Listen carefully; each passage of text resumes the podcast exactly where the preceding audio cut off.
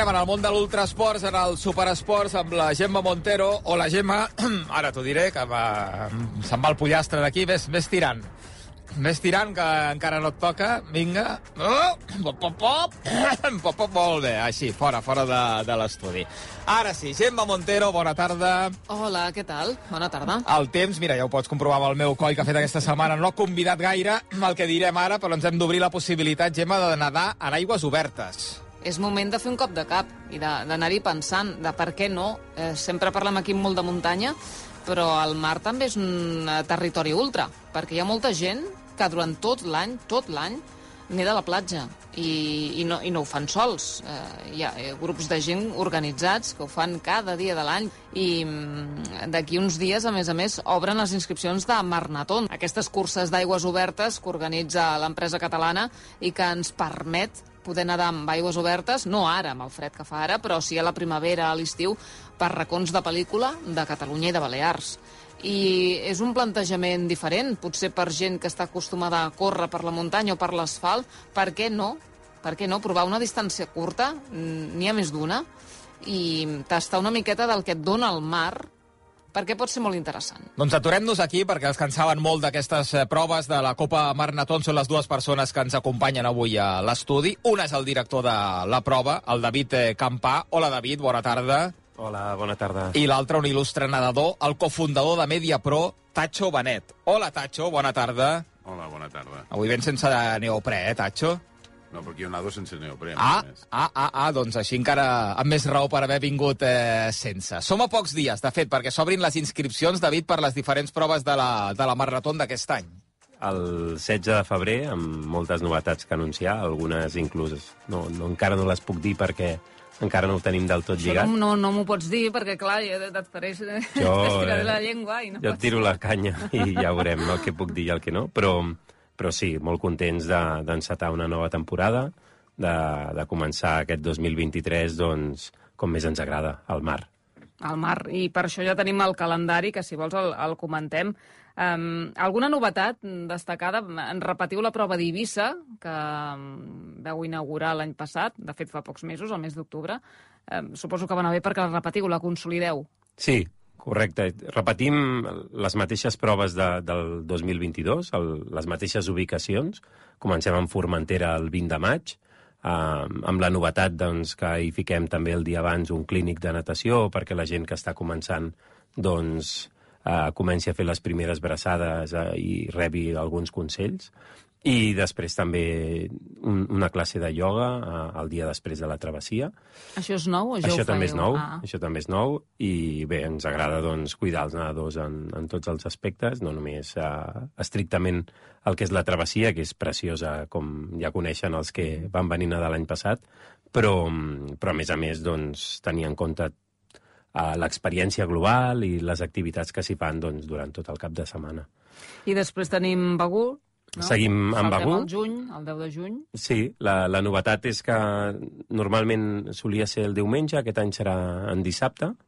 Uh, també, doncs, uh, per afavorir que, que vinguin nens, que vinguin i que la gent passi el cap de setmana allà i tingui el diumenge doncs, per estar tranquil i visitar el, altres platges de Begur o, o el poble mateix i, i que la gent disfruti i gaudeixi doncs, no només de nedar, com sempre, sinó també de, de visitar els fantàstics llocs que ens dona el litoral català. Com, per exemple, Sant Feliu de Guíxols, que és la següent prova, eh, l'1 de juliol, i és la única de les proves que té el format XL, Exacte. no pels més atrevits, Exacte. els 12 quilòmetres. Uneix les poblacions de Tossa de Mar i Sant Feliu de Guíxols, que són 12 quilòmetres sense cap port. Uh, això és difícil trobar-ho al litoral català, tanta Mm. distància sense ports pel mig, i amb un entorn també privilegiat. Eh, és una travessia que pràcticament el 90% del recorregut estàs veient al fons, i doncs és, és preciós. Què, què t'haig de dir? És una pel·lícula, no? És com una pel·lícula. I d'aquí marxem ja a Cadaqués, el 16 de setembre, eh, la quarta prova, i la cinquena, que és Barcelona, el 30 de setembre, eh? bastant seguidetes. A Barcelona sí que hi ha novetats. Sí, Barcelona l'hem canviat, hem canviat la data, solia ser el maig, eh, l'hem passat al setembre, pensem que l'aigua doncs, té millor temperatura per, per la gent que s'inicia, perquè és una prova que dona entrada doncs, a, a un públic molt popular que encara no, no està tan acostumat a fer travessies llargues, i amb un format diferent, com, com ja havíem plantejat a, a aquest eh, projecte al seu inici, el 2015, que és fer voltes a un recorregut de dos quilòmetres perfectament balisat. Um, llavors, pots escollir fer una volta, dues o tres, i, mm, i això ho lliguem també amb, amb la gent de Superacció, que és una ONG amb la que treballem a Barcelona, que treballa amb, amb nois amb risc d'exclusió social a través de l'esport, i estem molt contents perquè doncs, no només eh, ens ajuden fent de voluntaris, evidentment doncs, eh, recaptem fons perquè la ONG també pugui tirar endavant i, i també hi neden. I això per nosaltres també és eh, molt important perquè venen de- d'experiències que sovint els han fet estar en, en conflicte amb el mar, han passat males experiències al mar, i retrobar-nos eh, a través també d'unes eh, classes que els hi fem per aprendre a nedar, i això fa que, doncs, que el cercle es tanqui i que, que puguem tenir un, en un lloc que potser no és tan emblemàtic com on organitzem les altres travessies, però sí que és un lloc eh, on s'ajunten diferents conceptes que fa que sigui tot molt rodó. I el canvi d'itinerari, d'u- d'ubicació a Barcelona, què suposa? No, se seguim nedant al mateix lloc. El centre neuràlgic segueix sent a, a la platja de la Marbella.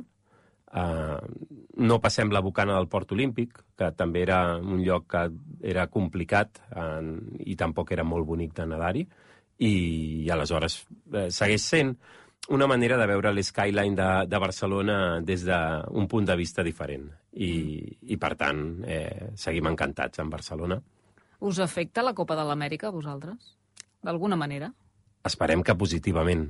Esperem que positivament i que Barcelona s'obri més al mar i que Barcelona, doncs, en un o dos anys eh, tingui en compte també esports eh, com la natació en aigües obertes, que de moment és molt minoritari, tot i que tinguem representants tan il·lustres com el Tacho, eh, però, però sí que ens agradaria doncs, que, mica en mica, eh, la ciutat anés apostant per, per aquest esport. Mm -hmm. I tanqueu, tanqueu la temporada a Eivissa, no?, el 14 d'octubre, amb bones temperatures, perquè no sé aquest estiu com serà, però l'anterior déu nhi i el 14 d'octubre era mm, pràcticament ple estiu allà. Sí, això és una loteria, però sí que és veritat que a nivell d'estadística el mes de setembre sol ser un mes més complicat a, a Balears que no, que no octubre i, i per tant doncs, sí que vam triar aquest, aquesta data que, que pensem que ja és una mica tard però que, que també ens fa gaudir de la illa per nosaltres sols, pràcticament. I això també doncs, ens fa feliços. I com aneu de...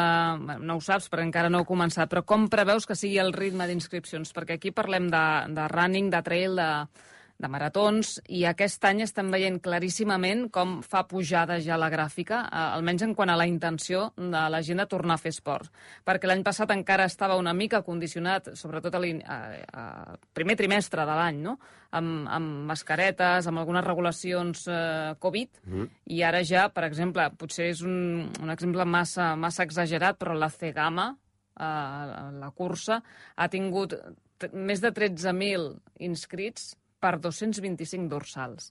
La Marató de Barcelona porta 12.000 inscrits i es preveu que arribin als 15.000. I la mitja de, de Barcelona, que es disputa el 19 de febrer, rondarà els 18.000, potser, eh, si a última hora la gent eh, doncs, eh, en- encara s'engresca, arribaria als 20.000 com a molt. O sigui, són unes xifres pràcticament ja prepandèmia. No sé si a vosaltres mm, teniu aquest feeling també de cara a aquest 2023. Sí, sí que el tenim.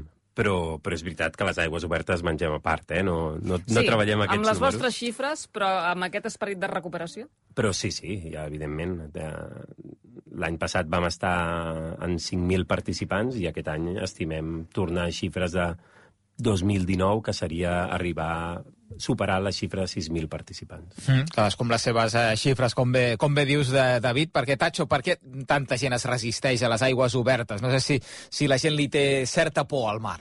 Bueno, hi ha una mica, una mica de tot, no? Sí, hi ha gent que realment eh, l'impressiona el mar. És una tonteria perquè no, és una cosa psicològica, perquè al mar no hi passa res, la veritat. No, no, no, no hi ha accidents eh, al mar amb animals que t'ataquin, no? No, no en conec mm. cap cas i mira que conec gent que hi nada, no? Després hi ha una mica també que la natació requereix una certa tècnica, no? I hi ha molta gent que això també li fa por. Però això s'ha anat trencant i cada vegada, des de que jo vaig començar ja fa molts anys, ara eh, cada vegada hi ha molta més gent que nada i que fa el mar obert. Molta gent que se n'adona que, que el nedar al mar no és el mateix que nedar en una piscina, que el, la, la, la forma en què ho vius és completament diferent que la piscina està molt bé per entrenar-te, per fer coses, però que quan surts al mar i aquest esperit de llibertat i d'estar una, com una mena de comunió, que estàs amb l'aigua, que formes part de la naturalesa, això és, jo sóc molt poc donat a aquestes coses espirituals i tal, però, però realment eh, dintre de l'aigua et passa això d'aquí, estàs amb, amb una mena, et sents fluir dintre de l'aigua, et sents que nades amb una, amb unes sensacions eh, del teu costat que són... I és un esport individual, però molt col·lectiu, perquè no surts mai sol al mar, sempre surts acompanyat de gent. I és gent molt variada, perquè l'esport de l'aigües obertes eh, el pot fer tothom, és molt, és, és molt fàcil de fer. No, no, no, no necessites... Només cal un banyador. Només cal un banyador i tirar-te a l'aigua i res més, no hi tenir ganes. I, per tant, jo crec que a poc a poc això es va trencant i cada vegada hi ha més gent que, que s'atreveix i que realment es tira a fer la, les travessies. Jo crec, per exemple, com ho deia el David, per exemple, la de Barcelona, és una travessia molt adequada perquè la gent pugui començar, perquè és, és curta, no, no, estàs alta, estàs, estàs, no, no tens que desplaçar-te, la, la, la gent que viu a Barcelona, mm -hmm. òbviament, eh? que és la majoria de, de, de la gent de Catalunya. Llavors, és, és senzilla, veus, un, veus l'escala de la teva ciutat, o sigui, hi ha travessies que s'adonen molt a que un s'inici amb això. I cada vegada més, a més, ells de Maratón ho fan molt bé, fan diferents formats perquè la gent pugui començar a, a fer travessies més, més curtes per veure que, que és el que, que perquè s'aficioni i continuï. Eh? Sí, de fet, Begú i mm, també Sant Feliu teniu els 1.500 metres, no? Sí. Que és per això, no? Perquè la gent ho tasti. Exacte.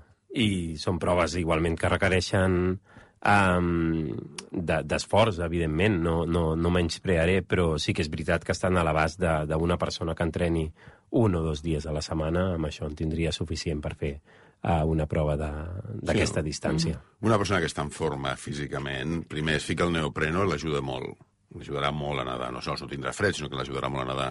Segon, en el mar, una distància pot semblar eh, molt llarga, però és molt més curta del que ho és. O sigui, fer 1.500 metres en una piscina és molt més llarg que fer-los al mar. I, a més, el, el que és més important és que al mar tu et marques el teu propi ritme. Al final, vull, tinc un amic que nada molt, eh? és, li agrada molt nedar, i ell diu que ella el que és és un senderista del mar. O sigui, ell no, ell no corre per la... Per, per, fa trekking per l'aigua. Fa, fa, camina per l'aigua, diguéssim, no? Fa senderisme per l'aigua, per tant va al seu ritme tranquil, no necessita no necessita cansar-se d'una forma esgotadora per acabar fent, i al final, al final acaba fent doncs, molts metres, no? però per fer 1.000, 1.500 metres no és tan difícil. Jo crec que la gent, si ho provés, s'aficionaria molt. A més, passen moltes coses.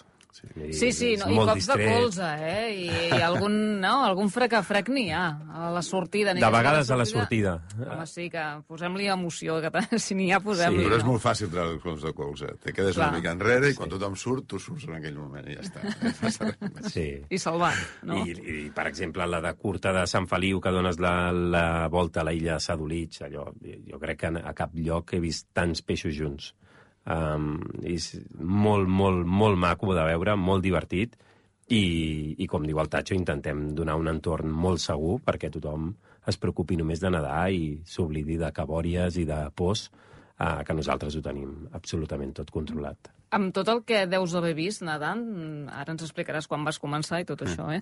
Tu com a cofundador de, de Mediapro, no has vist una pel·lícula? No has vist aquí algun... No? No hi ha material jo, audiovisual aquí per fer alguna cosa? Vaig veure una pel·lícula sobre la natació, que em sé que es deia... Bueno, que es deia, però és que era tan dolenta, era dolentíssima. Bueno, ens millorem-ho, no? Que, a més, el, el, el, el, el, el, el protagonista baixava riu avall eh, per acabar suïcidant-se al mar, una cosa tristíssima, no? No sé, és, és difícil. Potser sí que algun dia hem de fer alguna cosa alguna pel·lícula al mar. Bueno, estarem atents, estarem atents a veure si, si tenim eh, pel·lícules sobre, sobre el mar i sobre la natació, sobre nedar en aigües obertes. Perquè tu, Tacho, quan vas començar a nedar això, en aigües obertes? Amb aigües obertes jo vaig començar a nedar perquè jo nedava al gimnàs i fer això, i, i per culpa del marató, jo vaig veure un dia a la televisió que sortia, no sé si és la primera o la segona marató que es va fer, i, jo, jo entrenava, nedava a la piscina amb una certa regularitat I quan ho vaig veure, recordo que li vaig dir a la meva família, hòstia, 6.000 metres, diu, estan bojos, no? Això és una barbaritat, perquè quan un està entre... Anar en una piscina, les distàncies se li fan molt llargues. 6.000 metres en una piscina són molts, són molts metres. Llavors, això és una barbaritat, fer tants metres nedant. Però el noi que m'entrenava llavors em va dir, diu, no, li vaig comentar, hòstia, el maratón, i em va dir, esto lo podías hacer tú perfectamente. Feia perfectament. Ho pots fer perfectament. I, bueno, pues, aquell any m'hi vaig apuntar, eh, vaig entrenar una mica, jo tinc una casa a Bagur, davant d'on se passa la marató de Bagur, i me'n vaig anar a fer la marató de Cadaqués. O sigui, la primera, la primera que vaig fer a la meva vida. I a partir d'aquí li vaig agafar una afició i vaig començar a nedar, a nedar amb aigües obertes. Sí. I et vas convertir en marnatonista. Eh? Sí, sí, exactament, sí. Bàsicament. Maratonià, sí, sí. Molt bé. Però, Eh, però la... no només sis i mig, vull dir que ha fet coses molt més llargues, eh, 40 quilòmetres de Mallorca a Menorca, Sí, sí. Ha fet eh, reptes eh, majúsculs. Vull dir que això enganxa, això de les Sí aigües obertes t'enganxa enganxa. molt. I a més, quan te planteges un repte i sempre veus el repte que hi ha, hi ha llocs molt bonics. Per exemple, vaig fer Capri-Nàpols, que és una travessia preciosa, són 38 quilòmetres, però és molt bonica. Estàs a la badia de Nàpols, és preciosa de fer. I, bueno, moltes de les que fa dos anys van fer la de Cadaqués, Port de la Selva, que són uns 20 quilòmetres, i també és una... Clar, tot això de travessar el Cap de Creus és que és, és preciós, era una, anar, i anar passant entre les petites illetes que hi ha per allà, és meravellós. I totes aquestes aventures, a banda de, de les proves del Marnaton, però aquestes altres travesses més llargues, les pots gaudir? Gaudeixes del paisatge? T'atures en algun moment donat per gaudir del paisatge? No, com ho fas? Mira, quan nedes, amb una travessia molt llarga, la de Marnaton, si, de 6.000 metres, si vols, no et cal. Ells diuen que t'has d'aturar a fer alguna cosa, però si vols, no, jo no m'aturo, diguéssim, eh? però, però és, és convenient aturar-se un moment. Però Sí. sí. amb les travessies molt més llargues és molt important hidratar-se cada moment. I si és molt llarga i fa molt de calor, és molt important parar-te cada 45 minuts, fins i tot 30 o una hora, i beure i menjar una mica sempre. Perquè menjar. tu no pots, no pots arribar a tenir set. Quan t'arribes a tenir set és que estàs ja deshidratant perquè no te- a anat a l'aigua no te'n dones compte i et vas deshidratant perquè l'esforç també el fas. Llavors, sempre t'has d'aturar t'has d'aturar a veure, a que et donin alguna de menjar. En aquell moment és com pots mirar. Clar, hi ha travessies, si tu fas Mallorca-Menorca, no hi ha res a veure, perquè estàs dels 40 quilòmetres pues, a 35 en què no veus litoral enlloc, no? Eh, però hi ha travessies que sí, que vas costejant, com aquesta mateixa que deia de, de, de Cadaqués a Port de la Selva, que po- pots veure, a més veus els animals, veus els peixos que, que estan per allà, procures, com que tampoc estàs l'objectiu no és fer un temps determinat, l'objectiu és arribar, acabar la travessia. No, no és, I gaudir-la. I gaudir-la. Per tant, et pots estar desviar per dir, no, filtres, el camí més recte és aquell d'allà, però jo vaig entrar en aquesta petita badia perquè hi ha una illa, la donaré la volta pel costat de la illa i veuré, i veuré el fons. Veure el fons per nosaltres és com un al·licient molt, molt important, molt maco. No? I per tant, com, no, com que no és competitiu, sinó que és senzillament arribar i anem conjuntament tots junts a ajudar-nos per arribar, és un ambient molt, molt bonic, molt distès i que pots gaudir molt de la natura. I amb qui ho fas, tot això? Pues jo ho faig, bueno, vaig amb els de Marnaton sempre que, sempre que puc, jo sempre m'apunto a tot. Jo el dia 1, pues, el dia que obrin, meu, ja ho sap, m'he apuntat a totes, i després aniré... Totes? Sí? A totes, A totes, a sí, totes, sí, ho saps, eh? que m'apunto a totes. A les sis? A les 6. Molt bé. Després aniré a les que pugui, perquè Bueno. hi ha vegades que no hi puc anar, però, però m'apunto totes. Però després tinc molts amics, i hi ha molts... Aquí a Barcelona, i a Badalona, hi ha molta gent, els dimarts hi ha un grup que surt a nedar tots els dimarts del, de l'espai de mar de la, de la Barceloneta. Hi ha un grup, que, on jo també vaig continuar de Badalona, que surtin, surten els dissabtes a nedar de Badalona. N'hi ha uns que fan una cosa que es diu les, no es diu les llunàtiques, que surten quan hi ha lluna plena i surten a buscar... O sigui, que de gent per trobar, per sortir acompanyat, perquè nosaltres la, la desavantatge que tenim, que a vegades és un avantatge, és que no podem anar sols o no hauríem d'anar sols. Mm -hmm. En conec algun que va sol i de tant en quant ja, ja em sent. Però no hauríem d'anar sols. I, per tant, has de buscar com agrupar-te. Llavors tens aquesta, aquesta, aquests grups que, escolta, avui sóc jo, demà no, demà vindré, vinga, si, demà sí que vindré, avui eh, anem a nedar, sortim a Badalona, sortim aquí, sortim allà, i després per les organitzades que fan doncs, les empreses com, com Marnaton. Però dona aquesta visió de, tan social, tan, tan, tan bonica d'aquest esport, que estic segur que altres esports que són que, són, que semblen que sigui més fàcil tenir aquesta relació social, no la, no la, no la tenen. Mm, Passa, per exemple, amb el ciclisme, no? Uh, la gent que surt en bicicleta, uh, sobretot dones. Uh, és més... Uh, hi ha molts grups de dones que entenen l'esport com un fet social i no competitiu, els caps de setmana, per exemple, no? Allò que li diuen la grupeta. Sí. Doncs la grupeta també es podria dir una miqueta. Però la Sí. teva grupeta qui seria? Doncs són uns fixos de Marnatón o són gent del teu tinc, voltant? en tinc, jo tinc, en tinc molt variats. Ah, Té molts vas amics, combinant, Sí. vas combinant. Sí, tinc molts amics i tinc, molta, tinc moltes possibilitats de sempre... Entre altres coses, Has de perquè- triar, no sé si és bo No, és un això. problema de triar. Tria la meva feina el meu temps per mi. Com que jo tinc molt, tinc, estic molt, estic molt enfeinat, doncs quan puc, doncs vaig a nedar amb aquests aquí. Quan puc, me vaig a m'apunto amb aquells allà. Quan puc, envio jo un missatge, dic, escolta, vine, vaig, per què no anem a nedar avui aquí? Anem a nedar avui aquí, no? És, és... Però, tot té un, però tots, tot és un, tots, tot, tots els que naden al, al mar, a l'esperit és sempre el mateix.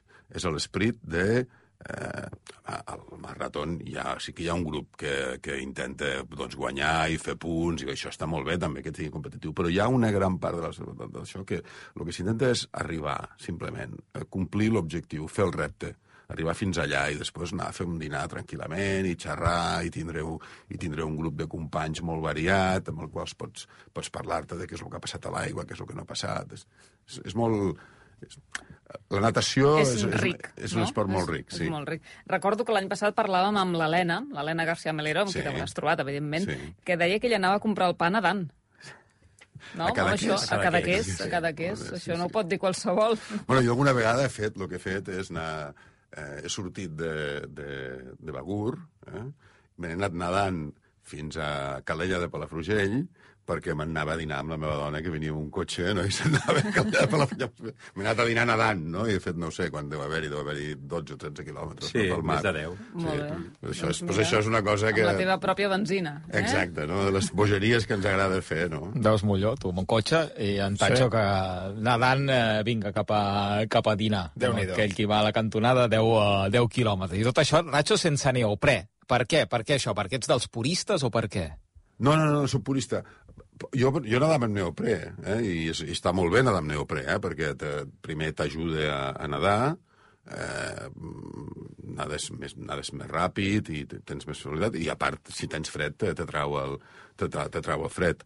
Però vaig, volia, vaig haver de fer una, una, anava a fer una prova que no es permetia el neoprè i vaig començar a entrenar sense neoprè. I vaig estar tot un any entrenant sense neoprè i ja vaig decidir pues, que no me'l que no me'l posava, que ja m'anava bé anar sense neoprè, perquè no el necessitava, i anava sense neoprè. I t'hi has acostumat. I m'hi he no? acostumat, sí. Um, Què t'hi has trobat al mar?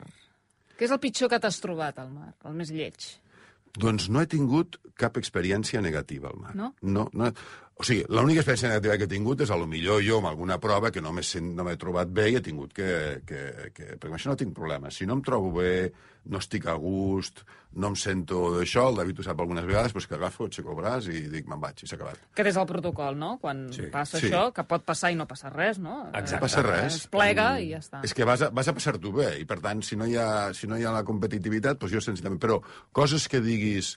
Home, anècdotes n'hi ha moltes. Recordo una que em van organitzar ells de nit i, i se'ns va ficar una corrent en contra i, clar, bueno, de nit, a la, a, a, a la, Se'ns va fer de nit. Se'ns va fer de nit i, i se fica la corrent en contra, no aconseguíem entrar a la platja aquella de, de, de, de, De sa conca de de... sa conca i bueno, els pobres anaven allí rescatant a la gent i la gent no es deixava rescatar perquè deien, no, no, jo ja ho faig, i l'altre deia, no, però és que és de nit, no? O sigui, El mar no us deixava, aquell dia no us deixava. Eh? al mar, quan, quan, al mar, quan, quan, quan...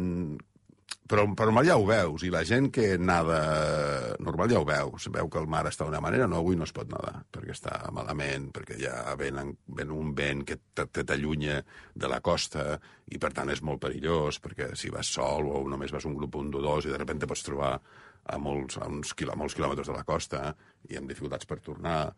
O sigui, al mar, la, nosaltres que nedem al, al mar és, eh, ens l'estimem molt, no? I, però, però també tenim molt de respecte perquè no passi res. Però, però, totes les, però no vull que sembli que les travessies són perilloses, perquè no ho són, perquè els que organitzen les travessies ja se n'ocupen de que si no es pot nedar, no es nada. I si es pot nedar, és que es pot nedar i, a més, ells han ficat ja totes les mesures de seguretat adequades perquè es puguin fer, perquè ningú tingui un problema, perquè pugui ser tret de l'aigua si li convé, si vol sortir... O sigui, qualsevol persona que està fent una travessia d'aquestes i de repent diu, ostres, jo no em sento bé, vull plegar, aixeca el braç i en un minut el recullen i, i s'ha acabat. Eh, No, no, no hi ha aquesta... Llavors, aquesta visió del mar com un espai una mica contrari a tu no és, no és, és, és, no, no és certa. El mar no és contrari a tu, el, el mar és molt amic teu, en aquest sentit. Fixa't que abans ho deies, eh? hi ha molta filosofia entorn a les muntanyes de tota la vida, eh, molta mística, no? allò eh, acostar-se a Déu, al punt més alt del cel, aquestes coses. En canvi, amb el mar sí que és veritat que potser mana més el respecte que no una filosofia una mística. I mira que hi ha elements culturals com per per interpretar-ho i, i, i haver-ne, no? Falta, falta aquí una Però la mica- gent que nada, la gent que nada sí que la té una mica aquesta mística. Totalment. Doncs l'han d'explicar, no? Sí, no, no, però tu parles amb... Tu ara parles amb qualsevol d'aquestos que et dic que naden a mi i molts d'ells tenen el, la mística aquesta de que, pues, quantes vegades jo he sentit, no? El mar, al final nosaltres venim del mar, no? Nosaltres som el mar, nosaltres som aigua. Som aigua. Som el, el, el que t'he dit abans, no? De que hi ha un moment que estàs nedant al mar i quan aconsegueixes nedar bé, la gent diu, he aconseguit fluir, no? Em sento, m'he sentit que formava Està part molt de de l'aigua, moda no? aquest terme ara, no? De Sí, fluir. No? sí, però en aquest cas és un terme molt real, perquè Sí. tu realment has aconseguit arribar a un punt de, de trobar un ritme i de trobar una manera de lliscar que, que tu creus, és veritat, però et creus que formes part del mar aquest que està allí. I, per tant, el mar ja no és el teu enemic, sinó que és el teu amic que fa que, que vagis avançant d'una manera que tu trobes meravellosa. Eh? Doncs eh, animem a, a tots aquells que ho viuen que, que ho expliquin eh, i que enganxin els altres. Um, teniu, eh, has parlat que feu jornades eh, d'entrenaments, que no, va, ajudeu a preparar la gent. Encara compteu amb el Rafa Cabanilles? Sí, sí, sí, el Rafa està... És, és uh, un dels entrenadors de l'equip de Marnaton. I... Bueno, perdona, entrenador barra torturador, de vegades, no? Qui t'ho ha dit, no? això? No sé, no sé, sí, m'han arribat veus. La veritat és que és, és molt bon entrenador, uh, intenta sobretot uh, aquesta fama que té de vegades de torturador, potser és més perquè intenta treure el millor Sí, home, sí. de cada un. I, I sí, evidentment, doncs, els entrenaments són exigents, però sobretot perquè també volem que la gent que, que entrena amb nosaltres eh, doncs després gaudeixi molt de les travessies i, per tant, doncs, de vegades eh, aquest punt de, de superació i de patiment a la piscina doncs té la seva recompensa una vegada passes al mar, no? Eh, nosaltres sempre diem que no és que ens agradi molt nedar en piscina, però, però és necessari. Mm. Tu, David, al llarg de, de l'any reconeixes el terreny, l'aigua, en, en aquest cas, de les diferents proves de, del Mar Naton? Això és, és, abans ho fèiem molt, sí que fèiem una jornada que eren eh, en 24 hores, en un dia, fèiem totes les proves de la Copa, quan no teníem proves a Balears. Llavors agafàvem una furgoneta amb quatre. quatre amics i anàvem, anàvem de prova en prova saltant a, a fer-les totes. Um, però sí que és veritat que des de que vaig començar amb Marnaton uh, he deixat de nedar molt. Abans sí que era eh, el meu esport pràcticament eh, era l'únic esport que practicava i en canvi des de, des de que estic eh, organitzant el Marnaton em queda menys temps i, i moltes vegades doncs, també combino amb la bicicleta, amb el córrer, eh, també nedar, evidentment, però, però, però menys, menys el que m'agradaria. Però ho pagues, això, eh? La Sí, feina, doncs es paga. sí. Quants quilòmetres deus fer tu a la setmana? doncs amb una, sema, una, una setmana que entreni tot, tot el que hauria d'entrenar, hauria d'entrenar cada dia. Hi ha hagut setmanes que ho hem fet, el David és, eh, entrena, entrena amb mi, eh? Mm. Vull dir, i llavors pues, és una, fem uns 3.000, 3.000 i pico metres cada dia. Ara, això, eh, pues, en èpoques de feina, en èpoques de menys feina, fem 5 dies a la setmana, 4 dies a la setmana, i fins i tot algun dia doblem, eh? Mm? A Barcelona. A Barcelona, sí. Uh -huh. I, i, però quan tinc feina, doncs, millor me tinc que conformar amb entrenar un dia o, o cap. Quan viatjo, viatjo molt, però procuro buscar també llocs on hi hagi... Ara he vingut de Buenos Aires, llavors el David m'envi- m'envia uns entrenaments i jo doncs, busco un hotel a Buenos Aires que tingui piscina, piscina de 25 metres, i llavors faig els entrenaments allà o en, un, en, una, altra, en una altra ciutat on vagi en aquell moment. Tu ets complidor amb això. Soc bastant complidor, excepte que la feina a vegades no em deixa, no em deixa complir. Però si em deixen, doncs uh, sí, em, ens deixen, em, soc una persona que entrena, que entrena, que entrena, Entre que entrenaria. 15 i 20 quilòmetres a la setmana, sí. aproximadament, fa el tatxo. déu nhi I recomanes que sigui això, que cadascú s'adapti al que pugui fer, no? Eh, Jo crec que és una mica massa, una mica boig, eh? francament. Sí. Amb, amb no 5-6 cal, no cal. quilòmetres... Que no cal, no? No que no cal. que no Amb cal. 5-6 quilòmetres a la setmana... Amb dues sessions a la setmana. Dues la sessions a la gent... setmana pots eh, fer Begú, per exemple, o Sant Feliu de Sí. Guíxols, o Cadaqués, Sí, Sí, sense problemes. sense problema. sense cap problema. El que sí és sempre començar a poc a poc, si és la teva primera experiència, encara que hagis entrenat, doncs apunta't a una travessia curta i a partir d'aquí salta a la mitja i si, si t'hi has trobat bé, doncs eh, a, a la llarga. No vulguis començar per la llarga eh, perquè doncs, eh, crec que, el, que fer el, tots els passos del camí és, és bo, de cara a guanyar experiència, tranquil·litat i, i gaudir més. I gaudir. Eh, Bàsicament aquí el que expliquem és que la gent el que faci, totes aquestes ultras eh, en, en la superfície que sigui, sobretot és que les gaudeixi. Per cert, no t'ho he preguntat, Tacho, però suposo que estàs completament recuperat perquè Sí. vam llegir un llibre teu. La travessia més llarga, malauradament, perquè vas estar hospitalitzat Sí. al clínic. Sí. Uh, sort tenim del clínic, uh, per culpa de Covid. Sí, Estàs no, recuperat absolutament. Sí, sí. Absolutament, sí. Això em va ser el 2020 i el 2021 va ser al març del 2020, o sigui, al principi d'on Va ser dels primers, vaja. Primer, sí. Però ja el, el 2021 ja vaig fer, per exemple, doncs, eh, cada que es Port de la Salva, que eren 20 quilòmetres, o sigui que estic absolutament Res. recuperat. Zero seqüeles, Zero seqüeles. I, i cap a l'aigua, així que s'ha pogut. I a gaudir de l'aigua. Doncs ens n'alegrem. Nosaltres també us animem, que gaudiu de, de l'aigua, que gaudiu del mar, amb alguna de les proves d'aquesta Copa Marnaton. 16 de febrer, això és ja, s'obren les inscripcions. Quina prova acostuma a acabar abans eh, les inscripcions, diries, David? La, la que sol omplir més ràpid és Cadaqués. És Cadaqués. potser amb la que vam començar, la més uh, mítica, Mítica. i en aquest sentit és la que potser penja el cartell de, de venut uh, abans.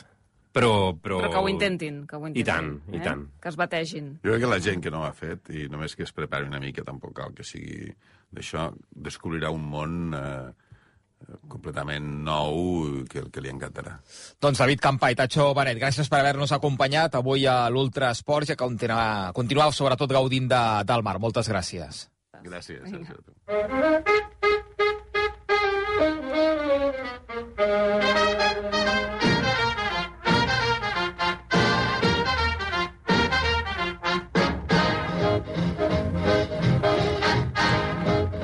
Doncs la Copa Marnaton, protagonista avui a l'Ultra Esports. Abans d'arribar a la meta, però, com sempre, sona ja aquesta sintonia. Vol dir que en Miquel Pucurull ens vol dir coses. Avui ens dona uns quants consells per fer la Marató de Barcelona. Amigues i amics, d'aquí un mes se celebrarà la Marató de Barcelona.